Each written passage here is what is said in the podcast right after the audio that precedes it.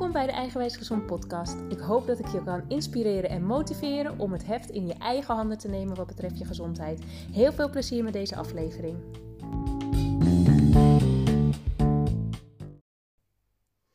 Hey, ik heb weer een nieuw inspirerend interview voor je klaarstaan.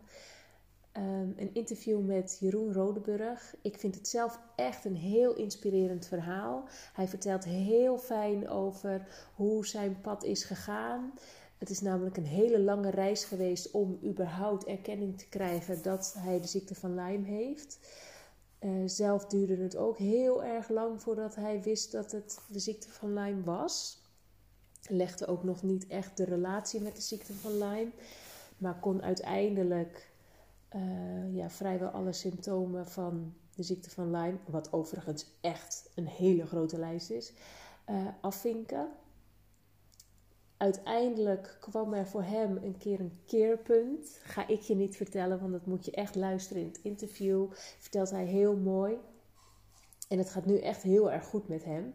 Dus ja, weer een heel inspirerend verhaal. Ook voor mij nog extra, omdat ik zelf um, uh, meerdere keren via de alternatieve geneeswijze uh, te horen heb gekregen dat ik sterk rekening mee, mee, moet houden dat ik ook de ziekte van Lyme heb. En bij de bioresonantiemeting kwam het er ook twee keer uit. Bij de EMB-test komt het trouwens ook uit. Dus eigenlijk op alle paden van, het, van de alternatieve geneeswijze komt bij mij ook de ziekte van Lyme eruit.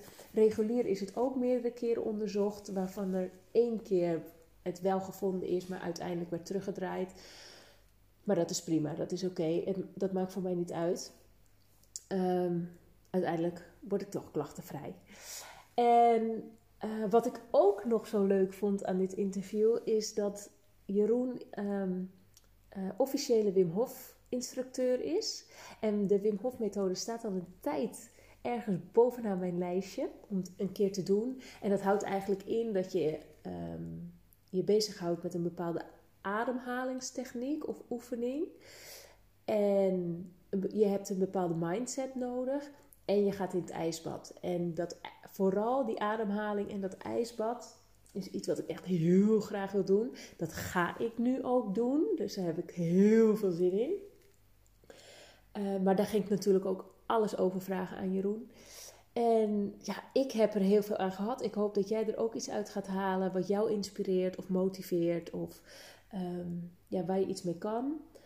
En voor nu wil ik je gewoon heel veel plezier wensen met het luisteren naar het interview. Jeroen, welkom. Leuk dat je uh, mee wilt werken aan de podcast. Um, ik zou je even iets korts over jezelf kunnen vertellen. Uh, ja, dat kan ik zeker. nou, ik ben dus Jeroen. Ik ben 46 jaar. Woon al bijna 26 jaar, of ben al bijna 26 jaar samen met Monique. En we hebben drie kids, Daan, Koen en Sanne. En Daan is 16, Koen is 15 en Sanne is 13. Huis voor pubers. Echt een huis voor pubers, inderdaad, ja. Uh, werk bij de politie in Amsterdam al bijna 24 jaar. Zo. En, uh, dat is eventjes, uh, nou ja, heel kort wie ik ben.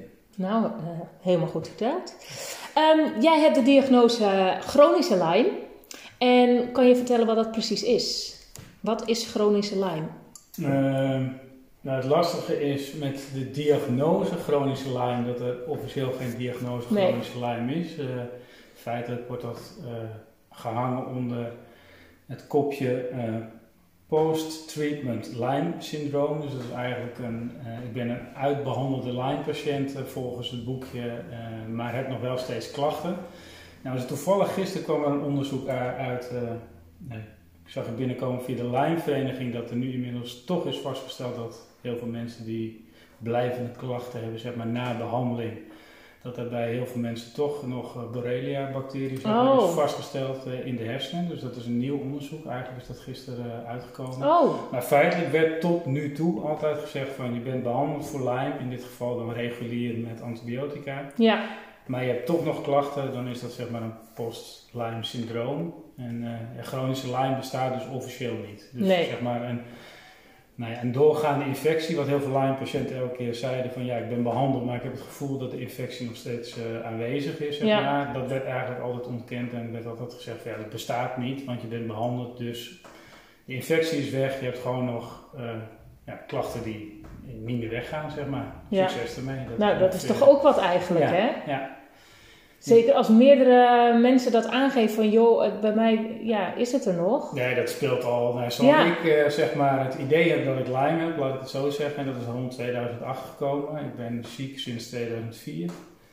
En rond 2008 had, kreeg ik het vermoeden dat, ik, dat het mogelijk Lyme zou kunnen zijn. Eigenlijk vanaf dat moment heb ik altijd te horen gekregen van nou ja, uh, ja je hebt het, uh, al zou je behandelen, ehm, de klachten die je dan nog hebt, dat, dat is eigenlijk uh, ja, dat is niet meer te ja, dat is niet meer te relateren aan zeg maar, de, een, een, een bestaande infectie. Die infectie is weg, die hebben we behandeld, maar klachten die je daarna hebt, ja, die, uh, succes ermee zeg maar. Ja, weet je. En jij um, had dus in 2004, werd je ziek en in 2008? Uh, mijn klachten begonnen inderdaad in 2004. Uh, voor het eerst. Ik, en later ben ik gaan terugredeneren van hey, wat is er nou precies gebeurd in die periode. En ik heb uh, tijdens een ME-oefening op de Veluwe ben ik, heb ik een tekenbeet opgelopen. Maar daar toen helemaal niet bij stilgestaan. Was dat ook nog in 2004 of was dat, was nog in twee, dat was in 2004 zeg maar. Ja. Dus eigenlijk, en vlak daarna zijn er ook eigenlijk al meteen acuut een aantal klachten ontstaan mm. die ja, later komt terug relateren aan die tekenbeet. Maar ja. op dat moment me er helemaal niet van bewust uh, was eigenlijk. Nee. In 2004 heb ik dus die tekenweek opgelopen tijdens een ME-oefening op de, op de Veluwe. En toen heb ik uh, eigenlijk vlak daarna acuut, uh, zeg maar, een soort artritisachtige klachten uh, of reuma-achtige klachten in mijn knieën gekregen. Mijn knieën zaten in één keer helemaal op slot. Ik had heel opgezwollen knieën, was helemaal dik. ik had heel veel ja, reumatische klachten in mijn handen en in mijn ellebogen. En dat was eigenlijk heel acuut. En dat ging op een gegeven moment ging dat ook weer weg. Maar daarna kwamen een heleboel ja, vage klachten en die, ja, die werden eigenlijk, die stapelden zich langzaam op. Dus uh, dat was extreme vermoeidheid, vergeetachtigheid, uh, last met plassen, urineverlies. Nou ja, dat ging van kwaad tot erger. Op een gegeven moment kon ik, had ik zenuw of had ik uh, uitval in mijn benen, zeg maar. Ja. zenuwuitval in mijn benen, kon ik niet meer bewegen. En op een gegeven moment kwam ik echt in 2008 echt plat te liggen op bed. en kon ik eigenlijk niks meer. Wow. Maar de eerste klachten, zeg maar, al die vage klachten die steeds een beetje erger werden, ja, die relateerde ik helemaal niet zozeer aan uh, dat ik een bepaalde ziekte had, maar veel meer aan stress uh, op ja. werk. Uh, Dame toen geboren in 2004, 2006 kwam Koen en nou, een jaar daarna kwam Sanne. Dus ze zaten allemaal heel kort op elkaar.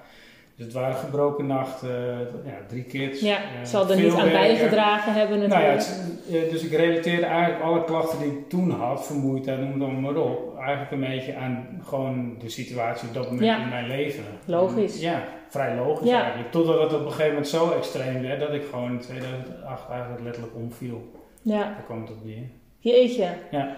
En toen, wat dacht je in 2008? Nou, 2008 toen kwam ik dus voor het eerst echt, uh, viel ik uit op mijn werk, kwam ik ziek uh, thuis te liggen, uitval in mijn benen. En toen hadden we uh, in eerste aanleg ben ik, ehm, zeg maar, is er gekeken of ik eventueel Bechtref zou hebben. Wat is dat? Ja, reuma, dat okay, is een vorm ja. van reuma. Um, omdat ik bij de fysio op, op de tafel lag eigenlijk, die was me aan het behandelen voor mijn benen, voor mijn rug, ik had echt overal pijn. En op een gegeven moment sloeg mijn hele systeem in één keer helemaal vast. Een soort alsof ik een soort elektrische schokken kreeg in mijn lijf. En zij had echt zoiets van, nou, dit gaat helemaal mis, ik stop meteen met de behandeling. Ja. Zijn we toen doorverwezen naar het ziekenhuis voor het eerst, naar een neuroloog. En die is eigenlijk gaan kijken of het eventueel wegtrek was. Um, en uit dat onderzoek kwam eigenlijk niet zoveel. En toen is de neuroloog uh, verder gaan zoeken en die constateerde eigenlijk een hele kleine hernia in mijn onderrug. En die had zoiets van, ja, die klachten die je nu in je benen zo hebt, dat zou daar wel eens vandaan kunnen komen. Maar nou ja, zeker weten doen we het ook niet, want het is wel een hele kleine hernia. Maar goed, we gaan kijken of dat eventueel een probleem is. En ja, sta je open voor een operatie? Nou, dat was best wel een heftige beslissing ja, op dat moment. Maar dat ik had ook het gevoel dat ik niet zoveel keus had. Omdat ja, die benen die deden het gewoon niet meer. Nee. Dus uiteindelijk eerst nog drie maanden echt helemaal plat gelegen. Hij zei van ga nou gewoon eerst uh, drie maanden liggen op bed om te kijken of het Drie maanden, ja, duurt dan echt, echt lang. Dat is echt fucking lang, ja. Jeetje. Uh, maar ja, de klachten gingen eigenlijk niet weg. En toen uiteindelijk toch besloten tot die operatie. En uiteindelijk geopereerd, maar uh, dat deed niks. probleem niet opgelost. Nee. Dus ja, toen had ik echt zoiets van shit, wat is dit? Dus toen kwam ik na die operatie terug bij de neurochirurg en die stuurde me terug naar de, naar de neuroloog met uh, een aantal dingen om uit te zoeken. Eentje was neuro, uh, polyneuropathie.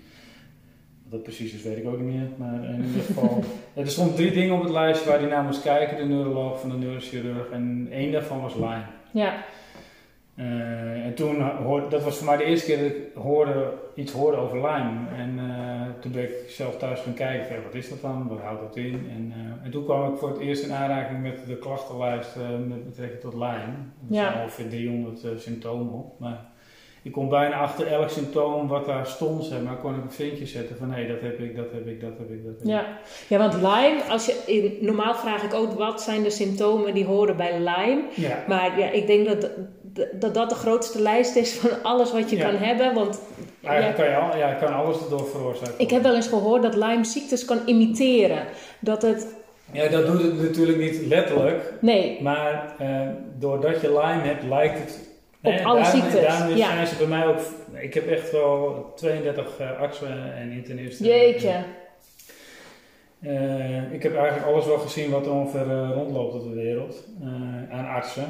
Eh, uit alle verschillende disciplines, omdat ze, ja, ze wisten gewoon, want nou, daar kom ik zo nog wel even op, maar die neuroloog die moest bij mij moest kijken naar Lyme, zeg maar. Ja, Die zei uiteindelijk, nou je kan alles hebben, maar Lyme heb je niet. oh, dit lijkt echt op mijn verhaal. Dat Ik was echt een heel goed gesprek. Ook het heel eerste kort- wat tegen mij werd kort. gezegd. Ja, kort. die zei, de, de neuroloog zei, ehm, nou één ding weten we zeker, je hebt geen MS. Ja, En toen was het uiteindelijk MS. einde Ja, gesprek. ja. Ongeveer. Nou, zo ging het bij mij in ieder Nou. geval.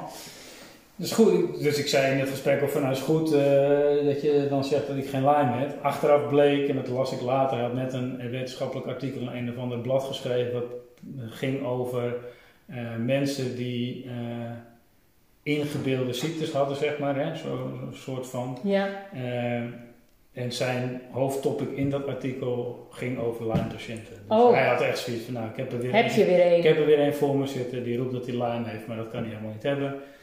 Streep erdoor. En, eh, dus ik ben daar ook uiteindelijk heel kwaad de deur uitgelopen. Ja, En vervolgens... want had jij ook gezegd, ik heb die klachtenlijst ja, nagekeken. ik had het allemaal Ja. meegenomen. Hè, van nou ja, hè, de neurochirurg Ja. chirurg heeft me doorgestuurd naar u. En eh, om dit, dit en dit uit te zoeken. En ik eh, heb zelf wel even nou ja, gekeken naar het deel, deel Lyme. En ik moet zeggen, er, komt wel, er zijn wel heel veel overeenkomsten met de klachten die ik de afgelopen vier jaar heb. Ja, Nou ja, dat eh, ja, was tegen de overmans oren gezegd. Eigenlijk, Daar kwam het op neer. Ja.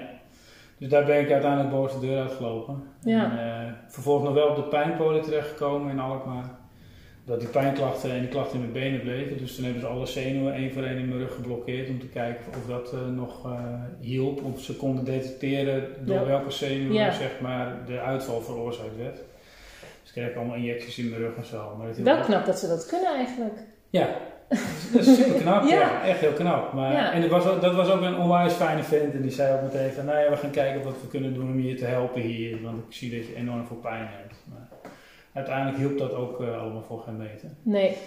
Dus toen ben ik uiteindelijk vanuit dat proces ben ik het alternatieve circuit eigenlijk min of meer ingerold. En hoe kwam je daarop, daarbij? Had iemand jou getipt? Of, Nee, ik ben Eh, gewoon gaan zoeken. Ja. Het eerste wat ik gedaan heb is een levend bloedanalyse. eh, om te kijken van ja, hè, met betrekking tot Lyme. Dan zat iemand in, volgens mij, Lansmeer. Ik ben de naam even kwijt. Maar die was ja, gespecialiseerd in levend bloedanalyse. En die kon dan ook via die levend bloedanalyse eventueel aantonen of je Lyme Ja. of niet had. Nou, daaruit kwam eigenlijk meteen al naar voren dat het Lyme zou moeten zijn. eh, onder andere.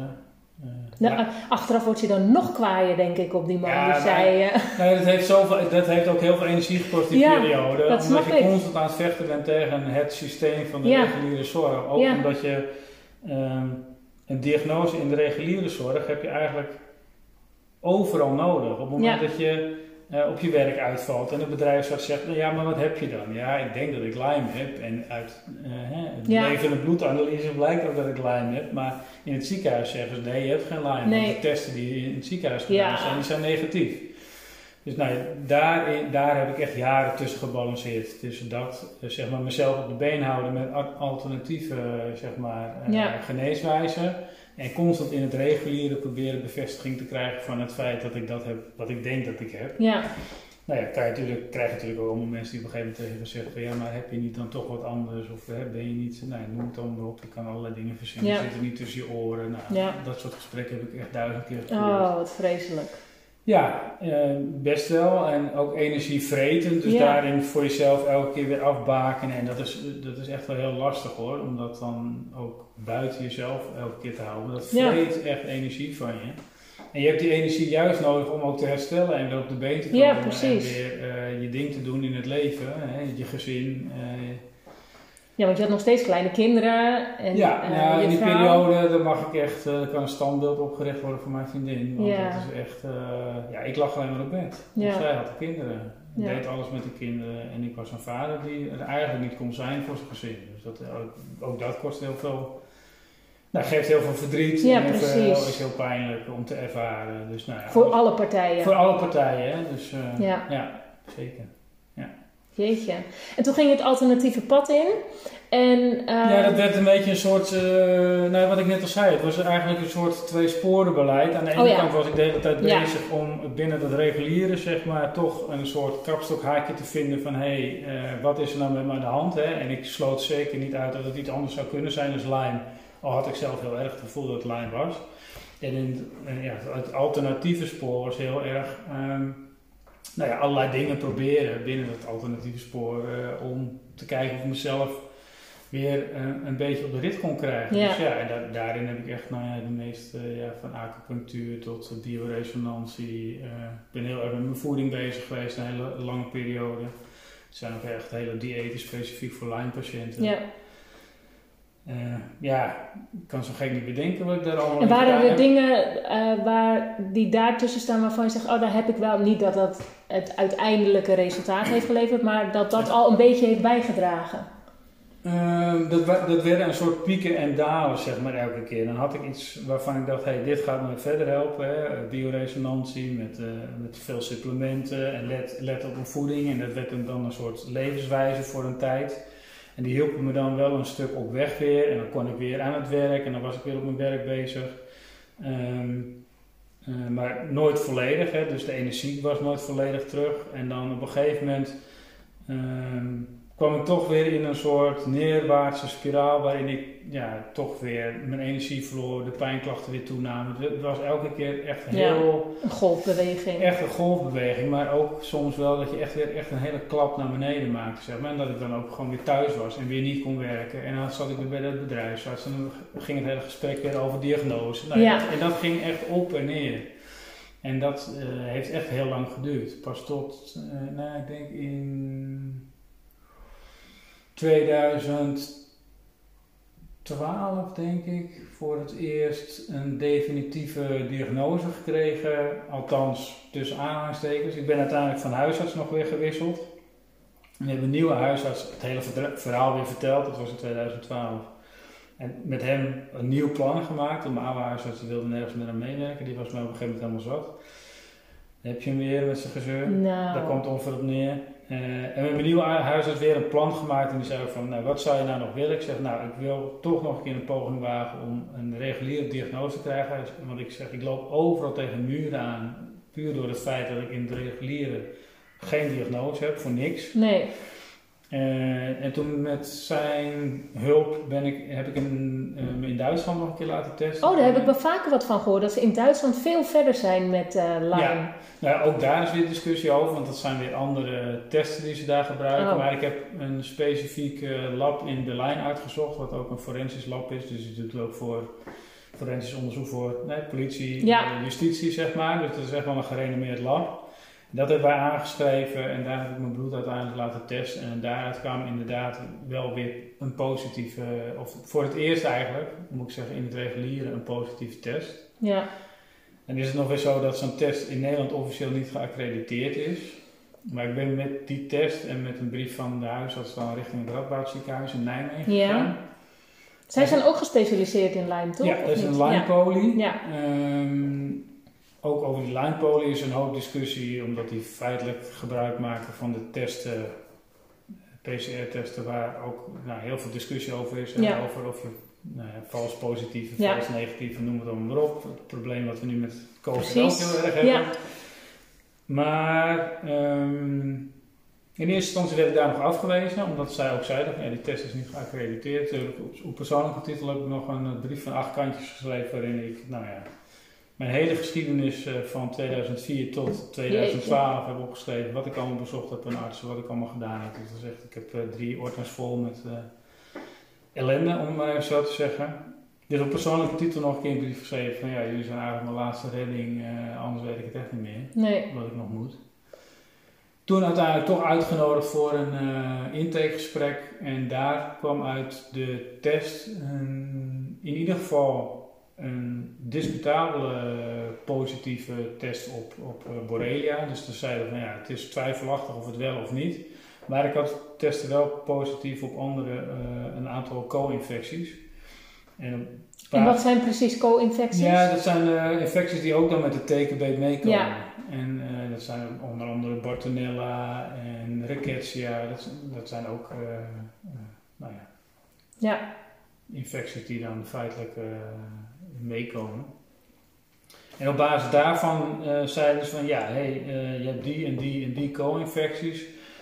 Dat duidt wel heel erg op dat je via een tekenbeet in ieder geval een besmetting hebt opgelopen. Dus de kans dat je een Borrelia besmetting hebt is ook aanwezig. Ja, en dan had jij ehm, bij die tekenbeet, had jij toen gelet op dat er een rode kring omheen kwam? Want dat hoeft niet altijd, toch? Dat hoeft zeker niet. Nee. In 50% van de gevallen is dat niet eens. Nee, want dat wordt altijd gezegd van als je een tekenbeet hebt, moet je letten op of er een rode kring omheen Ja, komt. Maar dat kan je heel goed doen. En als je een rode kring hebt, dan is de kans... dan weet je in ieder geval zeker. Dan weet je in ieder geval zeker dat je... Ja, ik vind het dan ook altijd nog lastig, want dan wordt er geroepen, ja, dan heb je Lyme. Maar dat hoeft helemaal niet per se. Want die- al die andere co-infecties, die veroorzaken ook allerlei reacties in Ja. je lijf. En die- dat, ja. Dus de kans is dan heel groot, in ieder geval dat je Lyme hebt. En sowieso, als je zo'n reactie hebt, ga gewoon naar een huisarts toe. En, Ja. en trek aan de bel en vraag gewoon om een antibiotica-kuur voor twee weken, minimaal.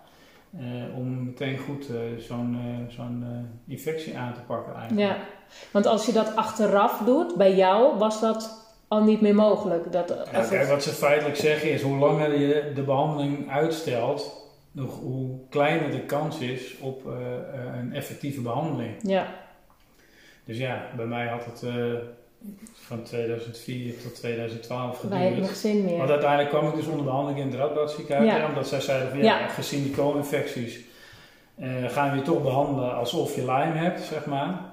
Dat betekent vervolgens dat je echt helemaal volgestand wordt met antibiotica. Oh, Ik heb 2,5 jaar antibiotica uiteindelijk geslikt. En, en eh, een aantal andere medicaties nog daarbij, eh, zeg maar. Eh, tweeënhalf jaar. Ik, ja. ik ben al, eh, ik kom al verdrietig thuis van de huisarts als ik een weekje antibiotica moet. Ja. Ja.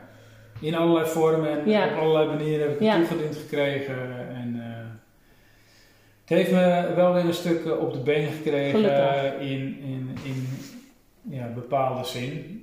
Eh, aan de andere kant heeft het ook een hoop stuk gemaakt Ja. in mijn lijf. Eh, dus ja, de vraag is altijd van heb ik daar goed aan gedaan, Ja. ja, of nee.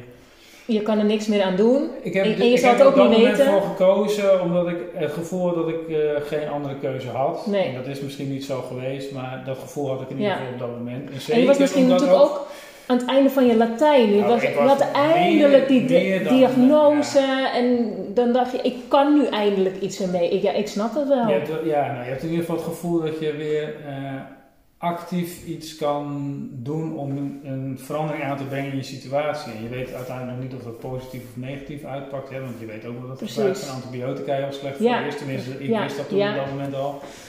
Eh, en dat het ook heel veel met je lijf doet en dat het ook heel veel stuk maakt. Dus ik ben ook heel veel probiotica gaan slikken. En ook daarnaast nog een heleboel dingen met mijn voeding gedaan om maar eh, mijn lijf nog zo goed mogelijk in conditie te houden. Ja. Ja. 2,5 jaar antibiotica, dat sloopt je gewoon uiteindelijk ook. Ja, Eh, alleen ik, ik had ook het gevoel dat ik niet zoveel keuze had, omdat je natuurlijk, ik zit in een situatie met een werkgever die constant aan mij bevraagt van... eh, doe je aan de behandeling. En wat doe je Ja. aan je behandeling, wat doe je aan je eigen herstel, eh, waarom kom je niet werken? Bedrijfsarts die op een gegeven moment zegt van ja, je hebt geen diagnose, maar, dus voor mij ben je 100% inzetbaar. Dus ga maar aan het werk, want ja, er is niks. Feitelijk, Ja, hè? hoe, hoe zie Wat- je dat voor je, denk ik dan? Als er iemand uitval in zijn benen heeft. Dan kan je toch niet zeggen, kom maar weer werken. Er zit een gebroken mens voor je feitelijk. En ja. daartegen zeg je, ja, er is geen diagnose van een andere arts, dus je moet werken. Punt. Nee, dat is ook nog uitgedraaid in een hele grote, of grote, maar een, rechtszaak tegen de bedrijfsarts. Uh, uiteindelijk ben ik in lopende dit allemaal, dit proces, want het ging allemaal nog door. Uh, dus 2,5 jaar behandeling bij het Radboud. Uh, gedurende dat proces ben ik uiteindelijk in 2015 gedeeltelijk afgekeurd. Op basis van de diagnose, zeg maar. van het Radboud. Van het Radboud, onder andere. Ehm, ja, wat wil ik nou zeggen?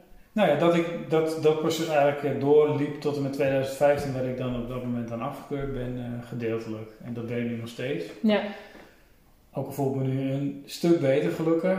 Um, de, daar is het afgelopen jaar gewoon echt uh, veel meer balans in gekomen. Ja. En dat is eigenlijk uh, begonnen in 2016. 5 december las ik. 5 december, Mooie datum. Mooie ja. datum, hè? Ja. ja. Die man heeft ons zoveel vreugde gebracht in onze jeugd. En nu was dat ook jouw dag. ik ook daar een cadeautje uitpakken.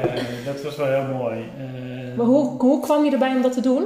Ehm, ja, nou, op 5 december 2016 stond ik dus boven op een berg in mijn korte broek, in mijn blote barst in Polen bij min 13, bij fantastisch weer, samen met nog een andere lijnpatiënt uh, en een vriend van mij. Ja. Ja, en ervoer ik in één keer dat wat ik nu net allemaal verteld heb, zeg maar. Uh, hè, dus het geen energie hebben, alle pijn in mijn lijf, um, alle frustratie, alle woede, al het verdriet. Um, ik kan niet zeggen dat het daar van me afviel, maar ik voelde veel meer van hey, in dat kapotte lijf waarin ik, waar ik eigenlijk de afgelopen, nou ja, uh, wat is het dan uh, inmiddels 2016, dus uh, eh, 12 jaar langzaam afscheid van heb genomen van dat lijf. Omdat ik het gevoel had, het functioneert niet meer, het doet niet meer wat het zou moeten doen. Eigenlijk ja, is het alleen maar een soort het van. Het vertrouwen was er in mijn lijf. Ik heb geen vertrouwen meer in mijn lijf. Het, het, ja. Ik had eigenlijk een soort van opgegeven.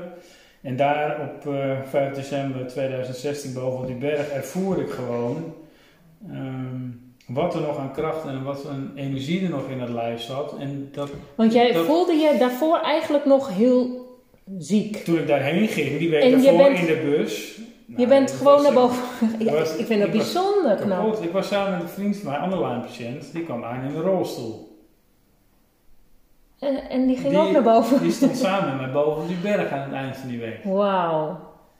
Ja, dus dat is echt uh, de meest bijzondere ervaring die ik echt in mijn leven nou, heb meegemaakt. Gelijk.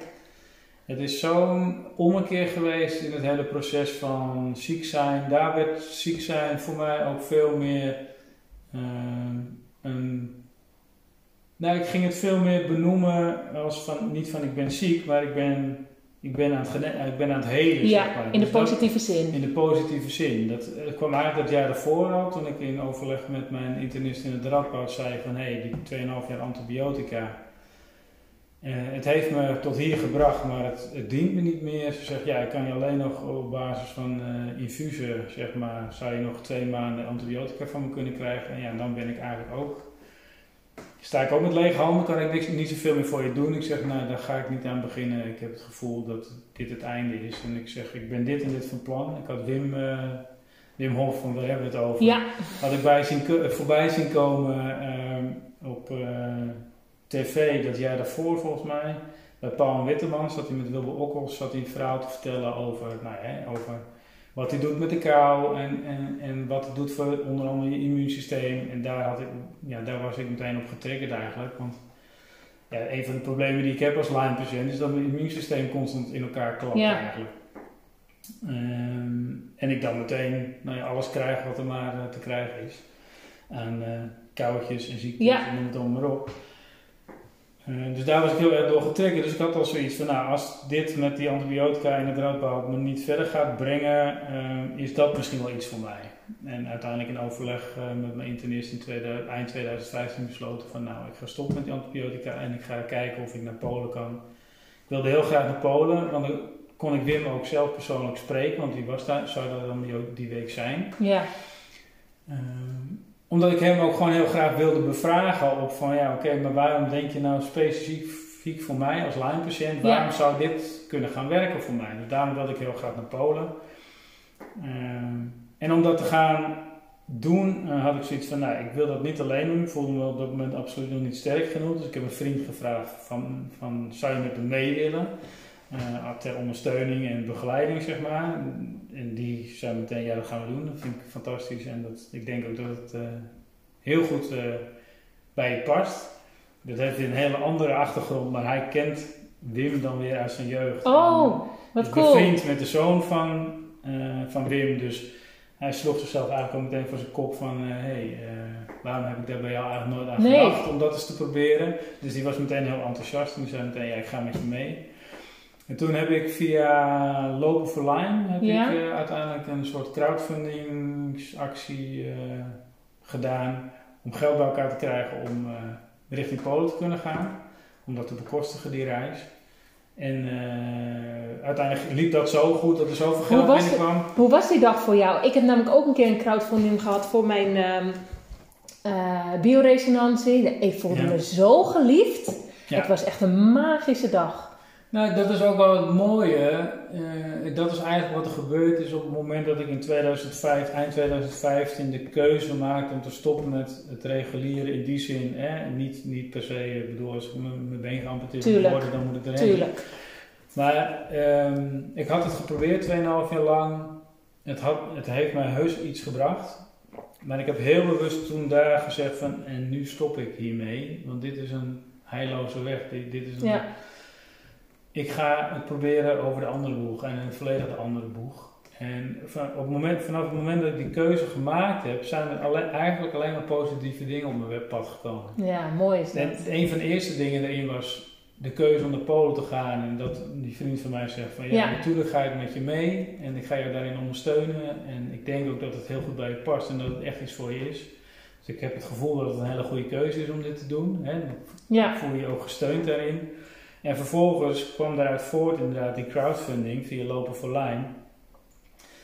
Ja, en dan bouwt langzaam de positieve energie alleen maar op. Want ja, al die mensen die met je ja. begaan zijn en die moeite nemen om voor jou daar te gaan lopen of te gaan hardlopen en zich inzetten om dat voor jou te bewerkstelligen. Ja, vanuit daar ja, komt er zoveel positiviteit eigenlijk in het hele verhaal. En werd er uiteindelijk ook zoveel geld opgehaald uh, dat ik nog uh, twee andere lijnpatiënten mee kon nemen naar Polen toe. Wow. Dat was eigenlijk ook, uh, nou ja, zoiets van ja.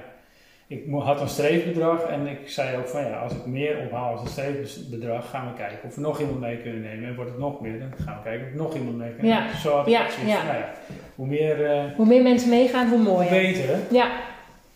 Uiteindelijk had ik twee mensen gevraagd om mee te gaan, waarvan er uiteindelijk eentje op het laatste moment helaas moest besluiten om toch niet te doen, omdat nou, ze zag het niet zitten qua fysiek en qua belasting. En, dus dat ging niet. En, maar die andere Joshua die is uiteindelijk ook meegegaan, maar die, die, ja, die zat er nog slechter bij als mij eigenlijk, want die zat echt in een rolstoel. En uiteindelijk zijn we met z'n drieën die kant op gegaan. Hoe zijn jullie dan boven gekomen? Ja, lopend. Drieënhalf uur heen, drie uur heen en drie uur terug. Wauw. Ja. En, en op, is daar een bepaalde tactiek voor? Dat Wim dan zegt van, nou, je moet je hierop focussen of je doet iets met die ademhaling? Nou, of... dat is natuurlijk, dat was het mooie van die week. Uh, het is een programma wat eigenlijk begin, echt volledig begint bij de basis. En je wordt meegenomen in de hele Wim Hof methode van begin tot eind. Uh, en dat wordt je zou zeggen heel rustig opgebouwd. Dat is niet het dat geval. Doet Wim niet aan. Dat doet Wim niet aan. Uh, en hij is daar ook, ik heb daar hele mooie gesprekken met hem ook gevoerd. Hij is daar ook gewoon heel direct naar mij toe geweest. Uh, en dat was wel heel confronterend, maar ook tegelijkertijd heel duidelijk. Ik vroeg aan hem, hoe gaat deze methode mij helpen om beter te worden? Hij zegt, uiteindelijk gaat het niet om de methode, het gaat om jou. En jij moet nu hier beslissen dat jij, hij zei gewoon letterlijk, de motherfucker, en dan had hij het over line, hè, want zo praat Wim gewoon. Ja, hij precies. zegt, jij moet nu hier besluiten, ik zat met hem in de sauna toen ik dat gesprek had, hij zei, het was na de eerste dag, s'avonds, de eerste training hadden we achter de rug. Uh, en ik vroeg hem dus van, ja, hoe gaat mij dit helpen? Hij zegt, uh, uiteindelijk is de methode is het gereedschap. Jij moet besluiten hier nu Dat jij die motherfucker eruit gaat trappen. Ja. En dat je dat kan. En die overtuiging moet je hebben. En dat jij alles in je lijf hebt. En dat je lijf beschikt over alle tools om dat te bewerkstelligen. En als jij die overtuiging niet hebt, dan kan je beter nu je koffers pakken en naar huis gaan. En als je die overtuiging wel hebt, dan moet je nu de komende week met twee handen aangrijpen om je lijf te herontdekken en te verkennen en het vertrouwen weer terug vertrouwen te terug te winnen. Uh, en daarin te investeren. Ja. En, ja. Dat, heeft, dat was mijn eerste eye-opener eigenlijk. Van ja, oké, zo kan je er dus ook naar kijken. Ja. In plaats van externe factoren Precies. de hele tijd te bevragen.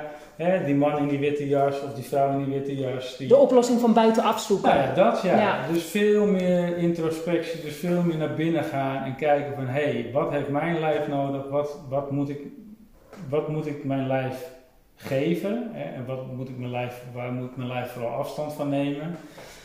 Uh, en wat moet ik investeren in dat lijf Ja. om eruit te halen wat erin zit? Want het zit erin. Tuurlijk, ja.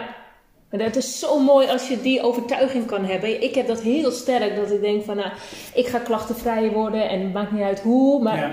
je hebt gewoon een bepaalde overtuiging nodig. Ja, en ook, ehm, ja, en ook, ja, dat is het eigenlijk gewoon. Mijn Ja. overtuiging en ja, ehm, ervaring heb ik daarin gemerkt, is voor mij echt de trigger geweest om het aan te nemen, zeg maar. Ja, Dus toen Wim dat zei, had- was ik heel erg geraakt hè, en had ik ook zoiets van, ja, je hebt volkomen gelijk, Ja. ik voelde dat ook. Ehm, maar ik had toch nog de ervaring nodig van boven op die berg staan. ja, De eerste ervaring had ik op de eerste avond eigenlijk al, maar dat was veel meer een soort ja, spirituele ervaring. Klinkt een beetje zweverig misschien, maar... Ja, het wordt zweverig gezien, maar dat, dat, dat hoeft helemaal niet. Nee, maar ik zat, eh, de eerste avond had een oefening met eh, eh, een, het ijsbad. Voor Ja. de eerste keer. En dat was een nou ja, soort, eh, het was een hele mooie oefening van je, ga, je ging in het ijsbad zitten. Zolang als je kon, dus gewoon puur op gevoel. En nog zonder de ademhaling vooraf? En we hadden nog techniek? niks eh, met de ademhaling gedaan. Het was gewoon puur eh, gewoon Op wilskracht. Nou, nee, niet op wilskracht, maar ervaren. Gewoon ervaren. ja. Want ja, op wilskracht ga je het ook niet redden. Nee. Maar ehm, het is veel meer overgave. Maar ga maar gewoon zitten en ervaar gewoon. Wat gebeurt er? Wat voel je? Wat gebeurt er in je lijf? Wat, wat, wat doet je lijf? Hoe reageert je lijf? Wil het eruit? Wil het blijven zitten? Eh, Wil je rennen? Wil je schreeuwen? Wil je, nou dat hè. En dan, nou, zolang als je kon. En dan eruit. En dan ging je opwarmen in de sauna.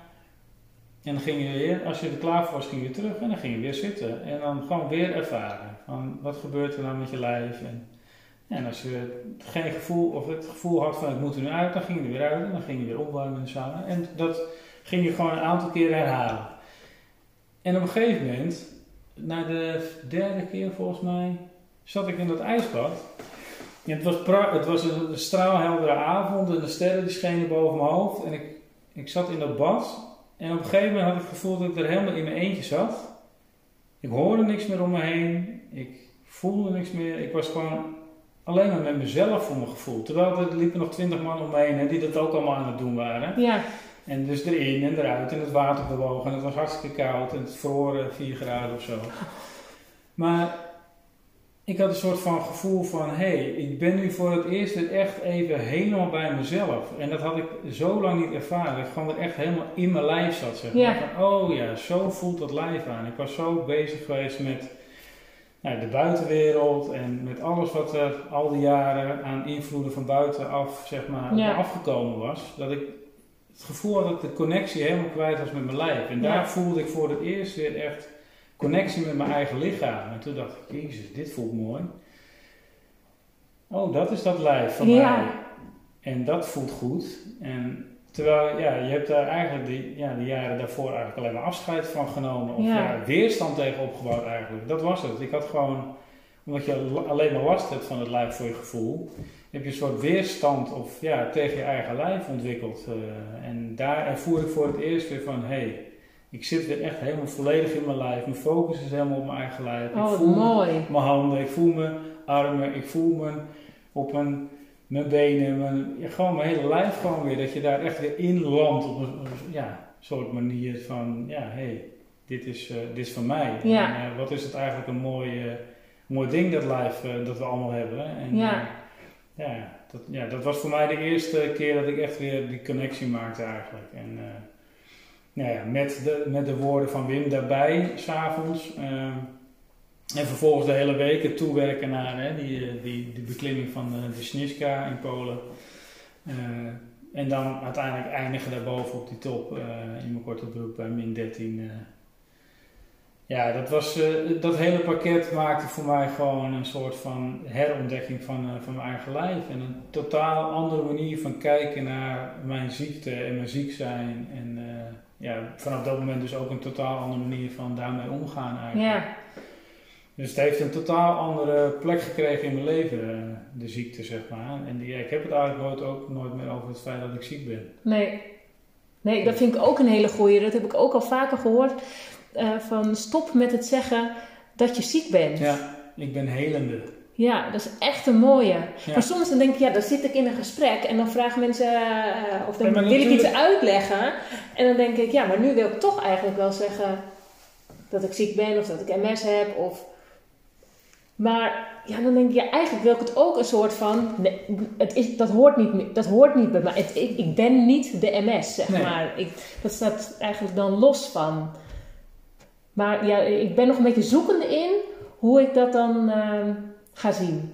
Ja, de mensen die dicht bij me staan in mijn omgeving, zeg maar, uh, die kennen me nu zoals ik nu ben en zoals ik nu in het leven sta. En die daar heb ik het eigenlijk ook bijna nooit meer mee over. En het zijn vooral mensen die ik heb van de. Nou, laatst heb ik, eh, ik net een uh, opleiding gestart intern bij de politie. Um, lifestyle coach, echt super leuk om te doen. Maar dan kom ik een aantal oud-collega's tegen van vroeger, die me nog kennen van dat ik op de Prinsgracht in Amsterdam werkte. En die kennen me nog vanuit mijn periode dat ik echt heel erg ziek was en thuis op bed lag ja, die vragen er dan naar. Ja. hoe gaat het met je? En dan ga je dit proces hebben dat je nu net ja. vertelt. Dus dan heb je het wel weer over je ziekteproces en zo. Maar ik heb het er nu eigenlijk bijna nooit meer over. Nee. ook nooit meer dat ik ziek ben, zeg maar. Nee. Dus ja, terwijl, ja. Ja, ik geloof daar heel sterk in. Als je het, eh, dat je, hoe meer je het benoemt en hoe meer je er mee bezig bent, hoe meer je er last van hebt. Een beetje waar je aandacht aan geeft, dat groeit, ja, zeg maar. dat ja. Ja, ik ben nu vooral heel erg aandacht aan het geven aan al die herstellen aan het herstellen. Ja, dus precies. alle dingen die, waar ik blij van word en alle dingen waar ik energie van krijg. Ja. Alle dingen, ja. En hoe goed het nu eigenlijk met je gaat. Ja, zeker. Ja. Ja. En natuurlijk zijn er nog wat dingen die qua belastbaarheid en zo eh, best nog wel uh, pittig kunnen zijn. En ik moet echt nog wel uh, balans bewaren. Is een van de grootste dingen voor mij. Waar ik gewoon echt. hè, ik vind ook, nee, je zei het net ook tegen me van ik vind heel veel dingen leuk. nou, dat heb ik dus ook. Dus ik doe het liefst alles. Ja. Nou, dat is ook wel een van de leerscholen voor mij gewoon. Dat ik echt heel erg moet afbakenen voor mezelf. Ja. wat kan wel, wat kan niet. Dus uh, als er appjes binnenkomen van, bij de voetbal van wil je, wil je, wie wil de vlaggen van het weekend, dan heb ik altijd, denk ik altijd het eerste die zijn hand opsteken en dat lijkt me leuk. En uh, nou ja. Zo zijn er duizend en één dingen die ja. voorbij komen, ook in het leven van mijn kinderen, waarvan ik zeg, ja daar wil ik bij zijn, daar wil ik bij zijn, dat wil ik doen. Um, qua werk zijn er altijd weer leuke nieuwe dingen die voorbij komen. En ja, daarin gewoon elke keer afbakenen en zeggen van oké, dat portie kan ik wel hebben, maar als ik dat en dat erbij doe, dan gaat het niet. Dus nou ja, dan dat maar niet, dat, dat keuzes, ja. keuzes maken. Ja, en eigenlijk uh, heb jij daar uh, de lijm voor nodig gehad om dat uh, nu te doen. Maar eigenlijk zou iedereen het moeten doen. Ja, Heel zuinig zijn op zijn energie. Dat, kijk, sommige lijnpatiënten gaan me nu echt vervloeken als ik dat zeg. Maar als ik niet ziek was geworden, had ik dit nooit geleerd in nee. mijn leven. Nee. Dus blijkbaar heb ik ziek moeten worden om dit te leren. Ja, ik denk daar dus ook zo over. Ja. Ik ben, en heel veel mensen die ziek zijn, die gaan mij nu vervloeken omdat ik dat zeg op die manier. Maar het is voor mij gewoon... Dat is jouw manier van kijken, toch? Dat mag. Ja, ik kijk op die manier ja. naar inmiddels. Hè. En in het begin toen ik ziek was niet hoor. Nee, dat snap ik. Uh, toen ben ik vooral heel vaak heel boos geweest waarom het mij moest overkomen. Ja. Nu weet ik waarom het mij is overkomen. Omdat ik dit heb moeten leren. Uh, zo voelt het in ieder geval ja. voor mij. En uh, ja, dat is de, de vorm die ik eraan geef. En dat is de vorm die mij helpt. En die mij ook vooruit helpt. En mij ook helpt in het genezingsproces waar ik nog steeds in ja, zit. precies.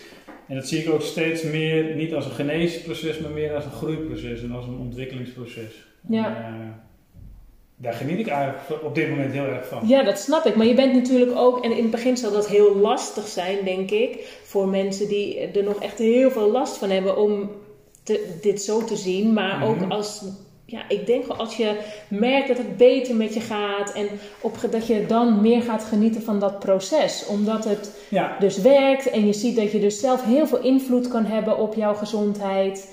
En eh, dat je er dingen van leert. Nou, dat je misschien op een andere manier in het leven gaat staan. Nou ja, en ook dat je. ehm, wat ik ook wel mooi vind, is dat doordat ik die ervaring heb, kan ik ook ehm, eh, kijken of ik andere mensen in het proces ook een. Al is het maar een steukje in de rug Ja, geven door te zeggen van hé, hey, maar heb je er al eens zo naar gekeken? En Ja. helemaal niet in, in een dwingende op, of opleggende manier, maar veel meer van hé, hey, ehm, je hebt nu dit en dit en dit geprobeerd. Zou dit niet ook iets voor je zijn? Ja, precies. Zou je er dus niet op die manier naar kunnen kijken? En al ben je En maar dus- alleen een inspiratiebron. Ja, Ja. nou gaat je dat misschien helpen, of al is het maar een klein beetje. En je kan het proberen en zeggen van oké, nee, dit is toch niet mijn ding en ik ga weer verder op de oude manier. Dat is allemaal prima. Ja. Iedereen, iedereen uiteindelijk moet zijn eigen weg en eigen pad daarin vinden. Ja. Maar dat vind ik ook wel een hele mooie ontwikkeling die ik eh, de afgelopen twee, tweeënhalf jaar aan het doormaken ben. Van hey, nou, dat je daarin ook mensen kan ondersteunen en dat geeft, dat geeft echt heel veel energie. Dat, Ja, dat dat is eigenlijk ik. het mooiste wat hieruit voortgekomen is, vind ik. ja. Ik geef nu dan hè, workshops, Wim Hof. eh, ja, als je ziet wat daar allemaal in gebeurt, dat is zo iets bijzonders. En dat is ehm, ademhaling, toch? Ik, ik- Eh, ja, dat, ja, nou ja, op de website van, eh, van Wim kan je eigenlijk alles Ja. wat, wat de methode behelst eh, eh, eh, even kort terugvinden. En eh, nou ja, daar wordt eigenlijk heel goed uitgelegd al eh, wat het allemaal doet, hoe het werkt, eh, wat het voor je kan betekenen. Er is op YouTube, nou Wim, die, heel veel artikelen zag ik. Heel veel wetenschappelijke onderbouwing is er inmiddels ook. Er Ja. zijn al heel veel onderzoeken gedaan. Er lopen nog een, heel veel, een heleboel onderzoeken. Dus ja, er is echt nou ja, een, ja, een tonnen, tonnen aan informatie is er Ja. te vinden. Ehm, maar heel kort samengevat bestaat de methode uit een, eh, een gedeelte ademhalingsoefeningen, eh, een gedeelte mindset focus en een gedeelte koude training. Ja, het ijsbad in. Ja, Onder andere. Onder andere het ijsbad. Ja je, ja, je kan het op heel veel verschillende manieren doen. Maar het ijsbad spreekt wel heel erg tot, eh, tot de verbeelding Ja, van de meeste precies. mensen. ja. Ja. En, Ja. eh, en eh, ja, dat is eigenlijk eh, ja, heel kort de Wim Hof methode. En, En jij bent daar, ehm, nadat je in Polen bent geweest, toen ben je de opleiding tot instructeur, van Wim Hof instructeur. ja, dat is eigenlijk pas later. Oh. Eigenlijk wat ik gedaan... Polen was zeg maar een soort van reset voor mij. Zeg maar een wake-up call. Nou, alles in Ja. één, zeg maar. Hè? Ja. Dus een, Ommezwaaien in je leven. ommezwaai in mijn leven, gewoon 180 graden om. En vanaf dat punt ben ik eigenlijk met behulp van de methode gaan trainen. eh, voor mezelf. Dus eh, eh, ik heb gewoon een schema aangehouden. Elke ochtend opstaan, ademhalingsoefeningen doen, koud douchen. Een bad, bak in de tuin met ijs. Ik ging één keer in de week naar het strand om te zwemmen, in zee. Nou, dat is eigenlijk een soort ja, ochtendritueel, weekritueel, Ja. een soort invulling van mijn leven geworden. En met behulp daarvan ehm, ging me eigenlijk steeds sterker voelen. Ik kreeg meer energie. Kon ik mezelf meer gaan belasten. Kon ik gaan sporten. Met behulp van een mensen die ik trainde in Limmen. Ehm, en dat werd een soort opwaartse spiraal eigenlijk. Ehm, dus door de, de methode van Wim eigenlijk als basis te nemen, als Ja. uitgangspunt. En daar elke keer bij terug te komen. Oké, je, hebt, eh, je hebt gesport, je hebt je lijf belast. Oké, ademhalingsoefeningen, koud afdouchen. In welke vorm dan ook, elke keer weer terug naar die methode. Dat was voor mij de manier om langzaam kracht op te bouwen, energie op te bouwen. En dat werd een soort ja, visueuze cirkel waarin ik terecht kwam, een spiraal naar boven toe. Ja, en ja, uiteindelijk een, even kijken, een jaar en nou ja, zeg maar 13 maanden nadat ik in Polen was, liep ik een kwart marathon in Egmond. Hè? Dat wel super snel. Ja, ik had een halve in mijn hoofd. Maar wat ik ook geleerd heb in Polen is dat ik lief moet leren zijn voor mezelf. Dus vlak voordat eh, de deadline verstreek, zeg maar, ik had een, eh, ik had een eh, rugnummer voor de halfmarathon. een week van tevoren heb ik besloten, ja, eigenlijk wat je nu dit hele jaar hebt opgebouwd, als je de halve nu gaat lopen, Maak is de kans dat je kapot maakt wat je nu hebt opgebouwd. Ja. Dus toen heb ik uiteindelijk een kwart gelopen. Nou, vind ik al heel Nou, dat was echt een overwinning. En Mijn kids stonden aan, Oh, mijn vriendin stonden aan de finish. Dus ja, dat was eh, ook, ook weer een heel bijzonder moment. Ja, En na dat jaar, eh, in dat jaar eigenlijk heb ik al, eh, omdat ik voelde wat het allemaal met mij deed eh, en voor me deed als Lyme-patiënt, heb ik contact gelegd met eh Innovire, dat is het bedrijf achter Wim. Met Isa, de dochter van Wim. Eh, om te kijken of we met een groep Lyme-patiënten eventueel ook iets zouden kunnen doen. Dus met een grotere groep, om eens te kijken van ja, hoe, hè, die methode werkt goed voor mij als Lyme-patiënt. Eh Joshua, die had ook echt eh, positieve effecten van, van hoe zou het nou zijn om dat met een grotere groep uh, Lyme-patiënten te gaan doen en te kijken van ehm, nou ja, wat zijn daar dan de effecten van en is dat meetbaar en wat zijn de, reacties van, van een grotere groep. ja, Eh, dat hebben we in eind 2017 eh, hebben we dat eh, gedaan in Stroel op het trainingscentrum van Wim. Hebben we met een groep van 21 eh Lyme-patiënten hebben een, ja, een soort Lyme trial. eh, het is ook wel leuk om terug te kijken ja op het is een YouTube. filmpje. Ja. Dus dat, is, ook, ja, dat was ook echt super gaaf om te doen. En daar, daar, daar, daarvan waren de, de resultaten zeer positief. Eh, eh, eh. dus dat was al heel mooi. Maar Ja. daar ontstond voor mij ook wel het vuurtje van ja, ik moet en ik wil hier gewoon meer mee. Ik zag gewoon wat het deed bij mensen, wat het bracht aan mensen. Ehm, En bij jou? Bij Ja. jezelf? Wat het jou al Ik had er- gebracht? ja, wat het mij had gebracht, maar, maar ook het, het, eh, het meenemen van mensen in zo'n proces, dat gaf me heel veel voldoening. En, Ja. eh, ik had zoiets van, ja, hier wil ik gewoon meer mee. En toen heb ik uiteindelijk contact gezocht weer met uh, Innovire om te kijken of ik eh, mee kon doen aan de instructeursopleiding. Ja, en dat kon. Dus dat heb ik samen gedaan met, eh, met die vriend van mij, waar ik eh, uiteindelijk in eh, 2016 ook mee naar Ja. Polen was. Dus toen zaten we met z'n tweeën, in 2018 zaten we weer in Polen. Wauw. Ja, dus toen hebben we het hele proces zijn we nog een keer doorgegaan. en nu als instructeurs in opleiding. Ja, echt Ja. super gaaf. Dus eh, sinds eh, eind 2018 zijn we nu, eh, zijn wij allebei instructeur en we geven de workshops meestal samen. Wat leuk zeg. Ook wat Ja. gaaf om dat met je vriend te doen. Ja, dat is echt ook, ja, die heeft, die heeft me daar zo enorm in ondersteund ook altijd. En ja, we hebben heel veel, kijk, in het begin is het ook, het is ook in praktische zin een keuze geweest voor mij om het samen met iemand te doen. Want ja, in de beginperiode van, hè, nu, nu zou ik het denk ik wel alleen kunnen doen. Eh, maar ik had altijd nog wel het gevoel dat ik een soort van backup nodig had. Ja. Eh, niet in het geven van de workshop op zich, maar wel dat ik altijd nog een beetje het gevoel had van ja, in mijn achterhoofd dat stemmetje van ja, het kan zijn dat je toch weer een keer uitvalt omdat je moe bent of omdat het niet gaat fysiek. Eh, dus dan is het fijn om Ja. een backup te hebben. Ja, en het is gewoon super gaaf om het samen te Ja. doen. Omdat we dat hele proces samen zijn precies. begonnen. Eh, dus het wordt wel uit die instructeursgroep eh, af en toe wel geroepen van heb je Jut en weer. Jullie lijken wel getrouwd stel, want jullie doen het altijd allemaal samen. Maar dat komt wel ergens vandaan. Ja, zeg maar. Het heeft wel een oorsprong. Dus het is niet zo dat we het niet allebei alleen zouden kunnen en niet alleen zouden willen.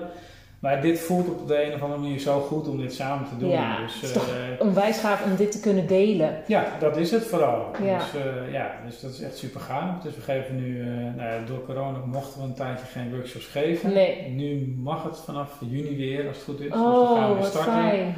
Ja, dus we zijn nog even aan kijken van wanneer we weer van start gaan. Ja. Maar Tjoh, wat inspirerend zeg. Ehm, het gaat nu dus heel goed met je. ja, En ehm, zijn er dingen naast ehm, je koude training en de ademhaling en de mindset nog dingen die je ook doet? Dus wat ook nog heeft bijgedragen. Let je nog op je voeding? Doe je meditatie? van alles een beetje. Ja. Ik ben, ik heb, nou, wat ik al zei, in het hele ziekteproces heb ik wel heel veel dingen inderdaad in het alternatieve circuit, circuit aangegrepen. En daar heeft ook heel lang een, een best wel heel strikt eh, voedings- eh, Ja. en dieet eigenlijk bij gezeten. Ik weet niet of je het kent, Heden Ik, kookboek. Is voor Nee. ME-patiënten onder andere en mensen met heel veel candida-problemen. Nou, het is echt een vrij specifiek eh, dieet. Dus daar heb ik heel veel mee gedaan. En wat ik nu veel doe is vasten. Ja. Dus dat, uh, daar voel ik me heel goed bij ook. Dat geeft me heel veel energie. Ja. Klinkt een beetje raar, mensen denken je eet niet, maar... Uh, ja, nee, ik heb het ook heel lang gedaan. Ja. In ieder geval de ochtend, zeg maar... Uh, Ontbijt overslaan. Ja, precies. Ja. En ook een keertje dat ik dacht, oh, ik ga die drie dagen doen. maar toen deed ik nog, at ik keto, dus dat was voor mij nog vrij makkelijk, want ik zat al op mijn vetverbranding. En toen had ik het volgehouden tot 94 uur.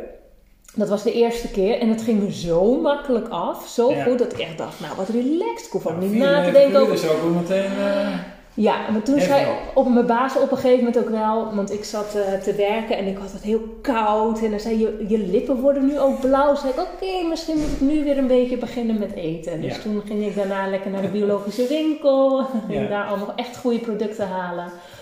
En, uh, maar ja, wel veel ervaring mee inderdaad met vasten. En dat gaf mij ook inderdaad energie. En dat mensen echt dachten, huh, heel gek. Ja, nou ja, je, je, alle energie die natuurlijk normaal gesproken gaat naar het verteren van je voedsel en het omzetten van alle voedingsstoffen, die energie komt in feite vrij voor, uh, voor de rest van je lijf. Dus ja. uh, je brengt gewoon een stuk rust aan en je schoont de boel eens een keer goed op. Dus ja, daar heb ik heel veel baat bij.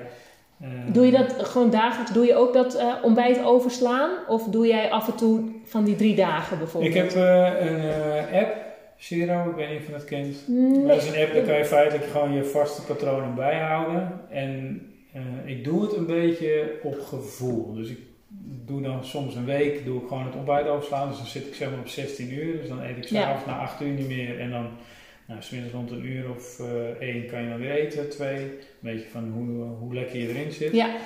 En dat kan, ik, kan je dan gewoon heel goed bijhouden in zo'n app. Dus dan zie je ook van hoeveel dagen ben je bezig. En dat vind ik altijd wel heel prettig. Ja. Um, dus dat je een schemaatje voor jezelf hebt. En af en toe doe, doe ik dan inderdaad een aantal dagen. Maar ik ben wel een beetje afgestapt van het hele strikte. Dus ik doe het vooral veel meer op gevoel. Ja.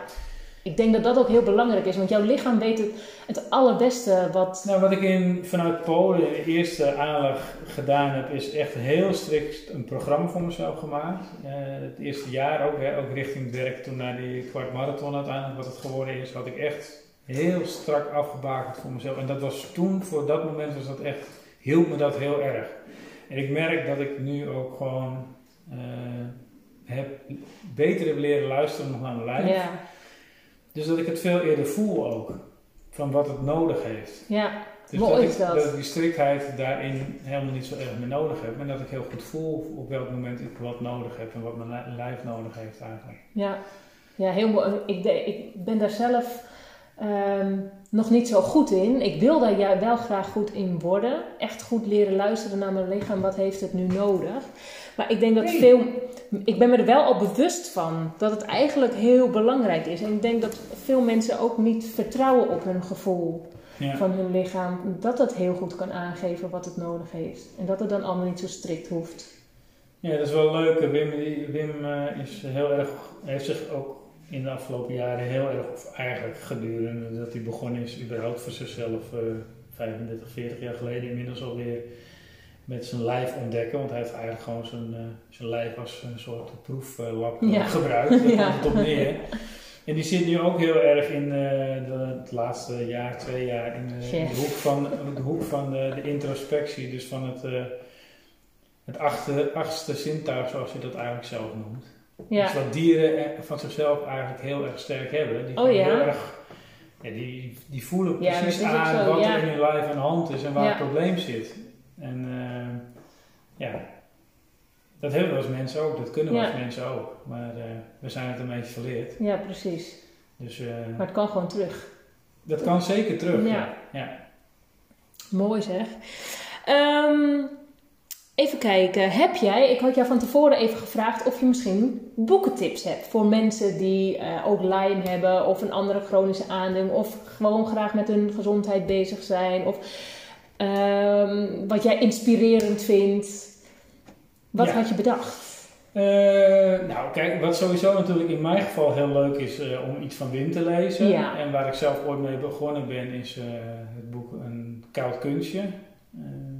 Maar dat is alweer wat jaartjes oud inmiddels. Het is wel een heel leuk boek om te lezen. Is ook niet heel dik en ja, tipt eigenlijk heel kort en bondig aan wat de methode inhoudt. En nou ja, dat is, dat is echt heel leuk om te lezen. En er is net een nieuw boek uit van Wim, de, de Wim Hof methode heet het. En dat gaat wat uitgebreider in, ook op het achtergrondverhaal van Wim, waar hij vandaan komt, hoe hij hierin terechtgekomen is. En vervolgens ook op de methode. Dus dat is Ja. ook zeer interessant Oh, om te lezen. Dat Ja. is echt, eh, nou, dat, ik denk dat het vier maandjes uit is nu of zo, dat boek of Oh. vijf maanden. Echt heel leuk om te lezen.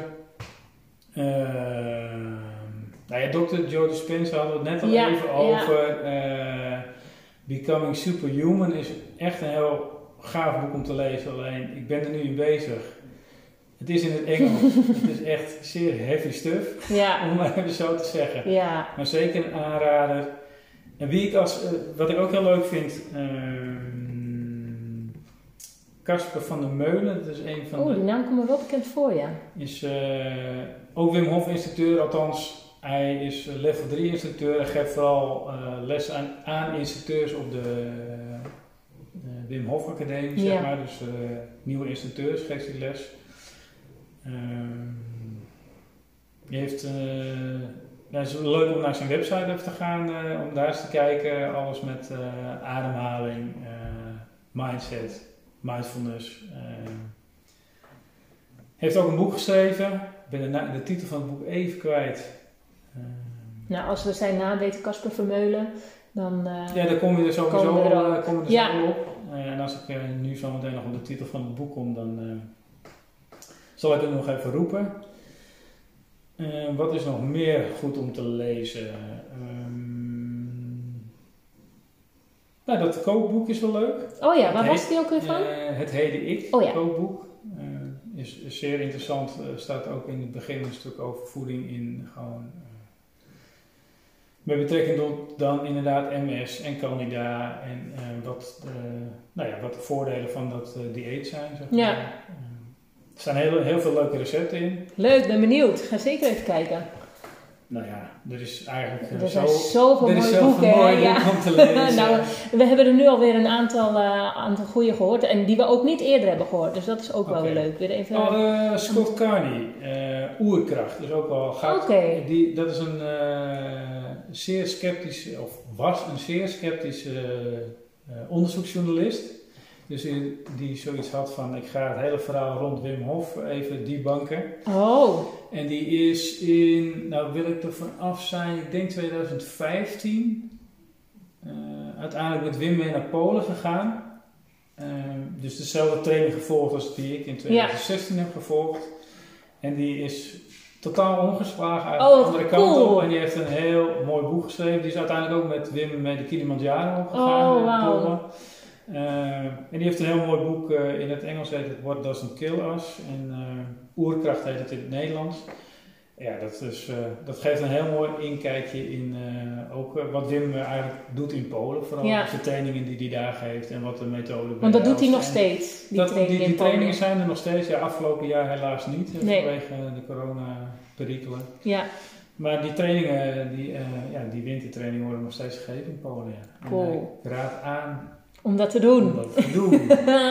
Iedereen. Ja, nou, Zelfs als je helemaal gezond bent voor je gevoel, is het ja, een ervaring eh, ja, als geen ander, zou ik bijna zeggen. ja, gelo- ik geloof dat gelijk. Dus, eh, Het heeft voor jou ook zoveel betekend. Het is zo de... ja, het is echt gewoon keer in je een leven turning geweest. point in mijn leven geweest, inderdaad. Hey. Gezellige chef. Ja, gezellig. Lig je lekker? Lig lekker te knorren, hè? Ja. Heerlijk. Ehm, nou, je je hebt heel veel mooie dingen verteld. Zijn er nog dingen waarvan je zegt, ehm, dat heb je nog niet gevraagd? Of eh, dat wil ik nog vertellen?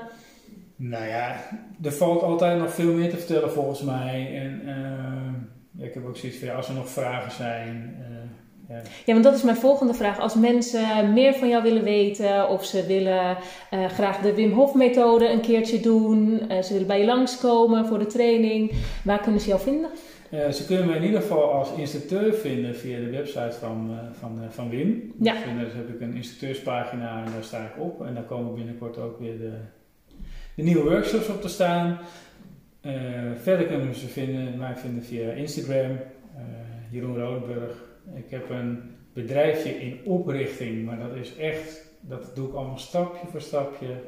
Hè? Als we het over balans Ja, hebben. Dus ik gewoon rustig aan. dus ik, ja, het, in mijn hoofd bestaat het bedrijf al. Oh, ja. En, eh, nou, dat is het begin. Dat is het begin, dus het is eh, echt eh, in ontwikkeling en Obaya Live heet het. En dat is ook via Instagram op dit moment te vinden. Ehm, nou ja, dat, dat even kort. En nou ja, als er vragen zijn, kan dat ook via Instagram. Ja. Nou, helemaal goed. En eh, er zijn, ik zal het onder de eh, podcast ook even de link zetten van twee filmpjes. Ja, Eh, superleuk. eentje is van een, een, een koude duik. Wat, Ja, vorig jaar ben ik met Suzanne van Frisse Duik heet dat. Oh ja, frisse duik. Ja. Ja, heb ik een ja, interview mee gehad. Eigenlijk, nou ja, een beetje wat ik nu ook met jou Ja. mijn verhaal verteld. En hoe ik terechtgekomen ben bij de Wim Hof methode. Nou, en dat, eh, daar is een filmpje van, eh duurt 15 minuten volgens mij. Daar Ja. ze mij interviewt. Eh, superleuk denk ik ook voor de mensen om eh, ja, te bekijken. Ja, ook om er een beeld bij te krijgen Ja. en te zien wat je doet. Leuk. En dat andere filmpje, dat was over dat Lime, ehm, die groep die je mee had oh, de. Line Trial, ja, Ja. eh, 2017. Met Wim Hof inderdaad hebben we die trial gedaan. Ja. Ja. Leuk. Ik ga die links daaronder zetten en dan kunnen mensen die ook nog bekijken. Superleuk. Nou, Jeroen, ik denk dat dit weer een, eh, een hele goede aflevering is geworden. Dat, nou ja, ik ben in ieder geval weer geïnspireerd. Dat is en mooi. eh, nou ja, dat vind ik al fijn, maar er zal, zullen vast nog veel meer mensen geïnspireerd zijn. Ehm, en wij gaan hem afsluiten, maar ik, we horen het heel graag van de luisteraars. Dus als je luistert, ehm, of je er wat aan hebt gehad. En eh, deel het vooral, want dat vinden wij heel erg leuk om te horen. Jazeker. Toch? Jazeker.